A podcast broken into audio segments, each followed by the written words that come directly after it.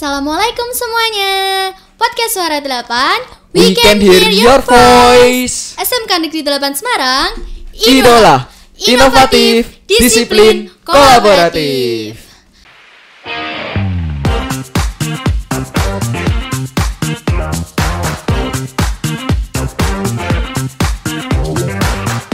Halo semuanya, balik lagi sama aku Salisa dan juga ada Dan saya Rifki. di Ngobras, ngobrol Ngobrol asik bareng, bareng senior. senior. Oke, kali ini kita akan bahas tentang lansia dan juga Jepang. Dan kita kali ini kedatangan tamu ada Pak Yasmin selaku direktur dari LPK Aigo Gakuen. Aishiro. Aishiro, Aishiro. Aishiro Gakuen, mohon maaf. Oke, gimana kabarnya hari ini Pak Yasmin? Halo, apa kabar? Baik-baik saja. Terima kasih sudah diundang ke sini. Ya. Jadi Mbak siapa namanya? Salisa. Mbak Salisa. Ya. Mas Mas Rifki. Mas Rifki ya. Oke. Oke, boleh perkenalan lebih lanjut Oke, lagi biar boleh bisa ya. dikenal. Oke. Eh, perkenalkan nama saya eh, Yasmin Masami. Ya, Masami itu keluarga yang di Jepang. Kemudian saya ya juga sebagai instruktur, jadi anak-anak memanggil kami juga kayak sensei gitu, jadi panggilannya Yasmin Sensei, Eh, cukup aja gitu ya. Oke, mantap. Iya, oke. Berarti bisa bahasa Jepang ya Pak Yasmin ya? Ya, Jago bi- lah. ya, ya, konnichiwa. Konnichiwa. Oke, boleh cerita-cerita sedikit nih ya, tentang hmm, apa yang perlu diketahui? Eh, dari pekerjaannya dulu Pak, dari pekerjaan. Pekerjaan siapa nih? Pekerjaan Pak Yasmin? Iya, Pak Iya. Yasmin. Oh iya, kami mengelola sebuah LPK ya, Mbak. LPK itu Lembaga Pendidikan dan Keterampilan, namanya Aishiro Gakuen. Aishiro itu dari kata Ai dan Shiro. Ai itu eh, pernah dengar tuh nama I love you, Aishiteru? Aishiro Iya. ya. Dari ai itu eh, kasih sayang gitu artinya atau cinta kasih. Kemudian shiro itu adalah tulus atau putih gitu. Gakuen adalah wadah se- sehingga kami itu mendidik di rumah itu ada lembaga dan mendidik anak-anak siswa-siswa eh, dengan kasih sayang yang tulus di suatu lem- lembaga kami di Semarang Timur ya. Semarang. Oh, Semarang Timur ya, Pak. Oh, Udah pernah udah tahu Semarang Timur? Peturungan? Oh, iya, Oh iya, iya. Oh, iya. tahu tahu daerah pedurungannya. Oke, kemudian eh, di sana ada tujuh instruktur bahasa Jepang, kemudian admin dan seterusnya. Tiap hari kami dari pagi sampai sore kerja dari jam 8 sampai jam 5 ya.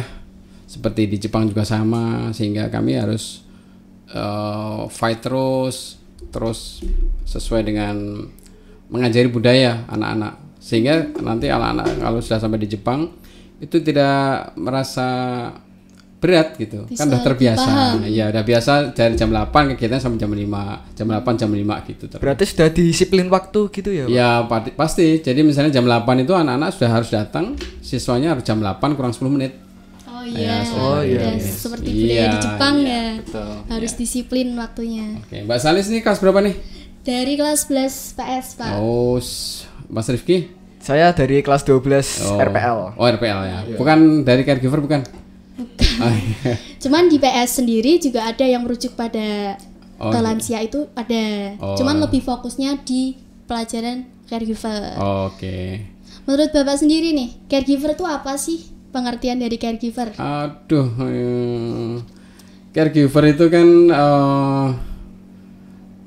perawat ya, perawat tapi yang khusus untuk merawat orang Lansia. tua itu lansia.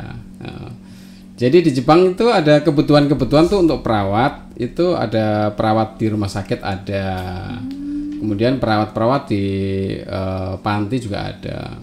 Kalau lulusan-lulusan SLTA itu bisa berangkat ke Jepang, yang di LPK kami itu berangkatnya sebagai caregiver, merawat panti lansia. Jadi eh, dikirim ke Jepang sebelum berangkat itu sudah ada kontrak kerjanya dan seterusnya kerjanya nanti apa, jam berapa sampai jam berapa sudah ada lengkap Sudah semua. ada Ya. prosedurnya ya, Pak Iya, ya. iya betul. Oke. Untuk jadi caregiver di Jepang itu kita perlu apa namanya eh itu perlu modal bahasa Harus bisa bahasa harus Jepang. bisa bahasa Jepang iya Kak Rifki nih, bisa nggak bahasa Jepang? Dikit-dikit. Kan Dikit-dikit, dari ya. kelas 12 itu ada pelajaran Ada bahasa ya. Jepang. Oh, ada Iya, ya. harus. Keren, Ya, keren, keren. Keren banget. SMK 8 memang keren ini saya dengar akhir-akhir ini mulai menanjak ya Alhamdulillah. Oh iya, Pak. eh, ini kan ngomongin caregiver yang akan dikirim ke Jepang ya Pak. Nah untuk di Jepang sendiri itu eh, kegiatan sehari lan sehari-hari lansianya tuh kayak gimana sih Pak? Kalau di sana itu? Jadi yang saya ceritakan ini kegiatannya ini apa namanya eh, yang caregivernya.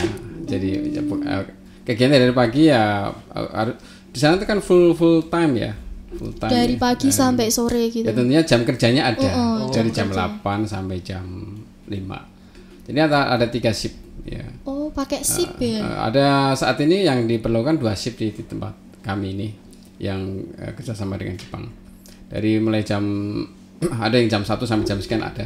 Eh, jadi eh, kalau pagi ya di situ mandiin, ya kan.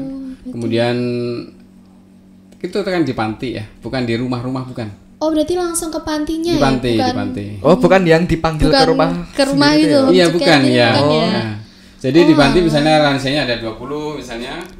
Caregivernya itu- dibagi. caregivernya itu ada tiga atau empat jadi nggak terlalu banyak. Kalau perempuan-perempuan gitu, kemudian ada laki-lakinya satu atau gitu, satu atau dua. Jadi em, satu orang menangani banyak. Ya, sehingga eh, kalau berangkat ke Jepang harus eh, kuat nih badannya. Harus, Harus banget. kuat. Rajin Harus olahraga kuat. gitu ya. ya. Kalau di LPK tuh eh, yang diajarkan ada tiga poin. Jadi Nihongo bahasa Jepang, kemudian eh, Taido atau sikap, ya Taido itu sikap. Dan yang ketiga Chikara atau power. Jadi mau ke Jepang itu bahasa Jepangnya bagus, sikapnya harus bagus, kemudian kuat, kuat di fisik maupun mental, ya kan? Iya. Jadi kalau ngangkat-ngangkat orang mandiin dan sebagainya kan harus kuat Harus kan. kuat fisiknya itu kan Walaupun di sana kegiatannya semuanya hampir hampir pakai mesin ya, kayak pakai alat gitu. Oh. Jadi lebih praktis nggak kayak di, di ki- di kita mungkin nanti lambat laun mungkin akan bisa juga Pakainya sampai seperti di mesin. Jepang ya. Oh iya Pak, untuk di Jepang sendiri itu untuk tenaga caregiver tuh banyak dibutuhkan atau tidak sih Pak? Oh, untuk saat ini eh, tenaga paling dibutuhkan di Jepang itu memang untuk eh, perawat, caregiver. Jadi eh, statistiknya naik kebutuhannya. Oh, Eh, kebutuhannya iya. naik. Ini musim pandemi kebetulan ini mohon maaf nih saya nggak pakai masker ya. Iya. Eh saat ini di Jepang juga posisi karena pandemi juga sama kan. Iya. Eh, ada pabrik-pabrik be- beberapa pabrik yang perusahaan yang berhubungan pabrikan itu ada yang kolab juga, ada yang kan nggak bisa mengirim kan ke luar negeri juga kan. Ekspornya juga nggak bisa, ekspor nggak bi- import juga nggak bisa dari pihak Jepangnya. Kemudian yang masih stabil gitu pertanian. Kan sayur dipakai terus tuh. Iya. Iya kan buat kebutuhan sehari-hari. itu terus stabil ada terus. Kemudian eh, pekerjaan konstruksi karena pembenahan-pembenahan di Jepang kan banyak ini dibutuhkan tenaga itu juga ada konstruksi. Kemudian yang paling meni- eh, paling banyak itu statistiknya naik itu adalah yang bagian ini caregiver.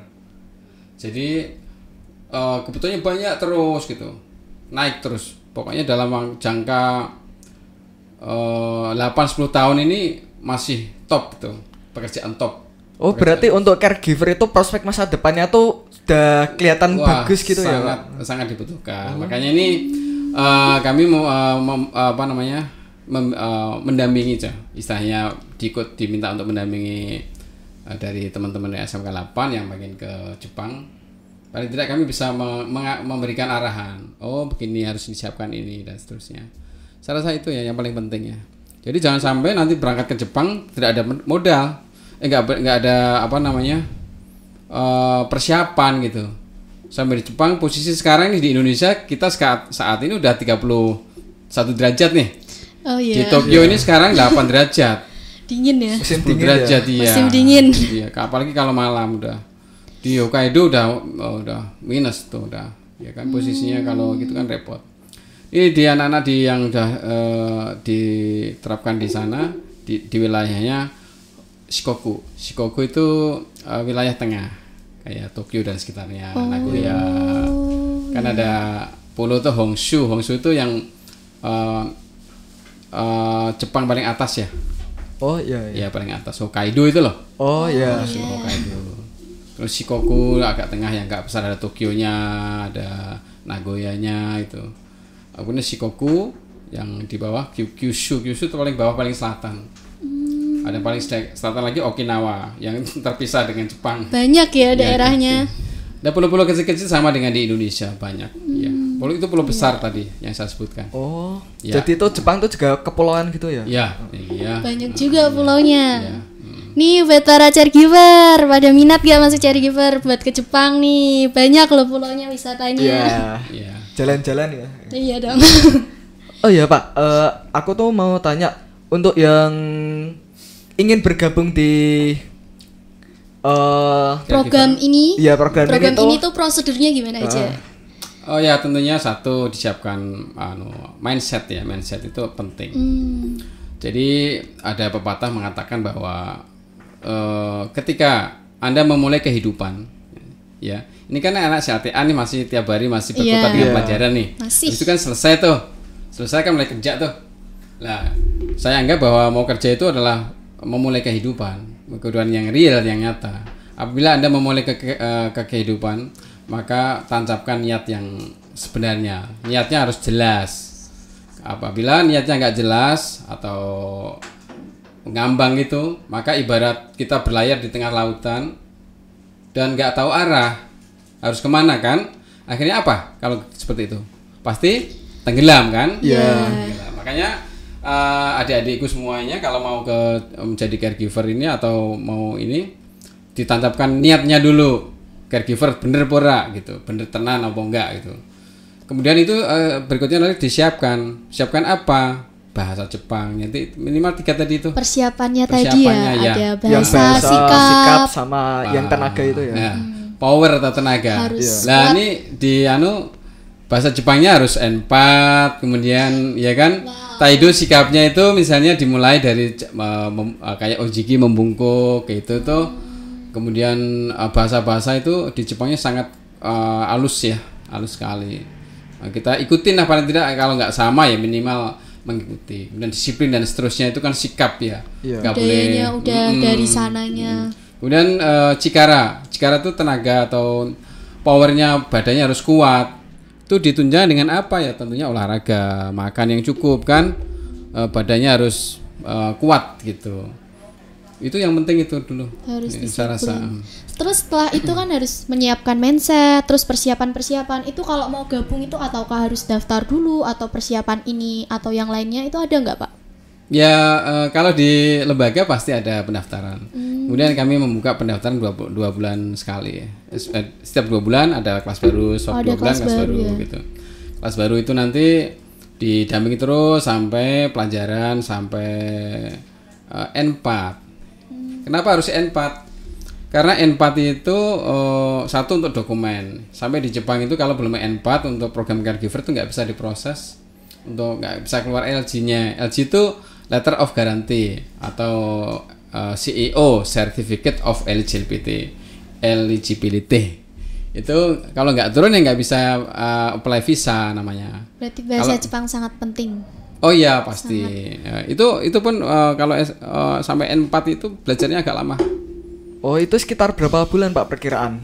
Ya eh, untuk eh, N itu Noryoku Shikeng singkatan dari Noryoku Shikeng atau tes kecakapan bahasa.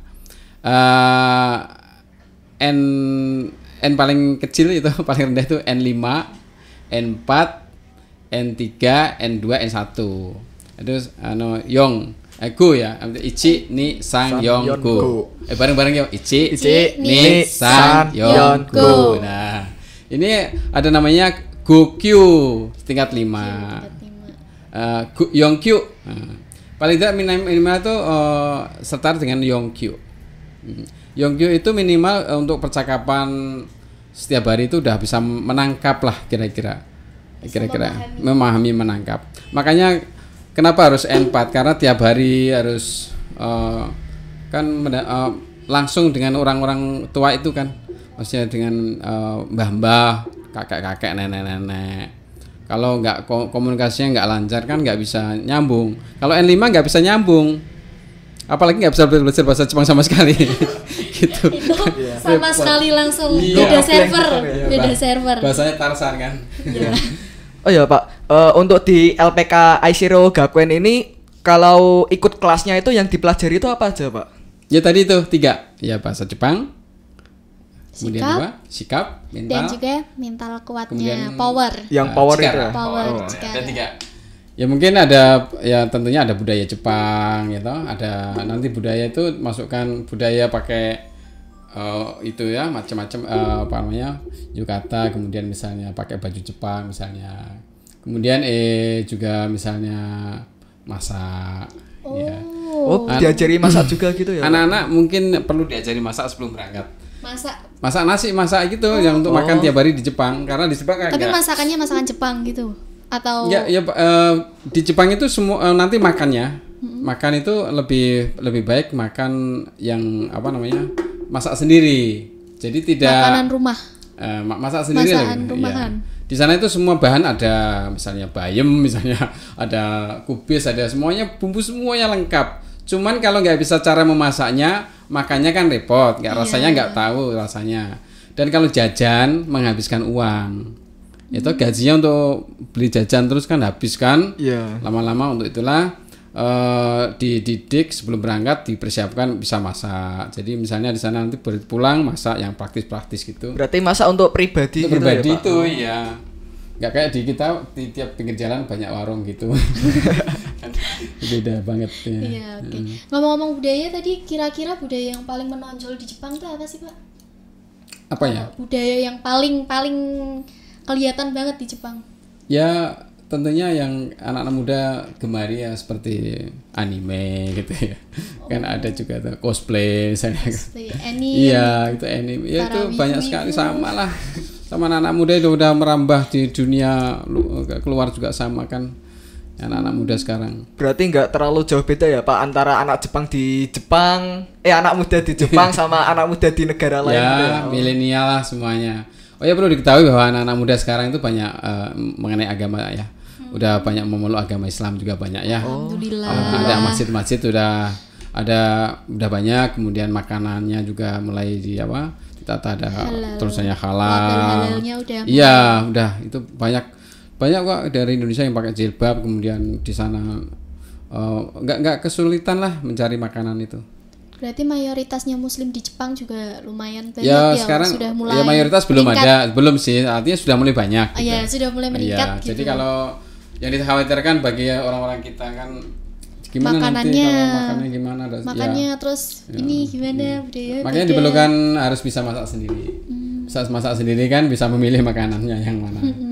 Kalau di Jepang sendiri itu Pak eh, ada toko khusus nggak sih Pak untuk yang menjual makanan halal untuk Muslim yang tinggal di Jepang gitu? Ah ya, eh, di Jepang mah sih sudah sekarang ada masjid-masjid juga sudah mulai banyak di beberapa kota termasuk makanannya sudah tersebar sudah banyak. Jadi Indonesia, anak-anak Indonesia yang mau cari makanan halal di Jepang nggak usah khawatir ya. Udah banyak sekali.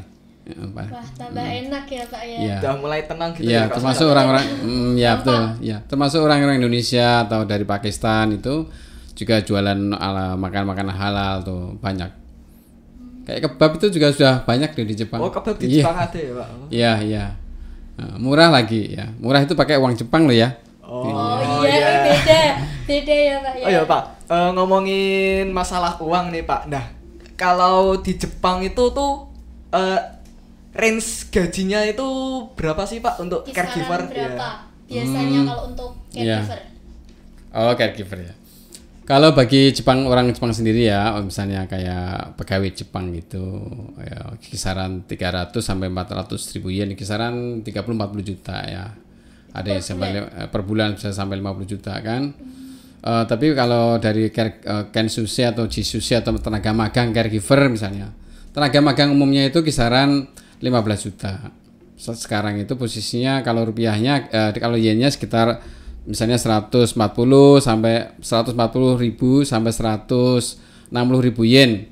Itu kisaran eh, hampir 20 juta. Wah, hampir 20 ya, Pak. Hmm, namun itu masih kotor ya.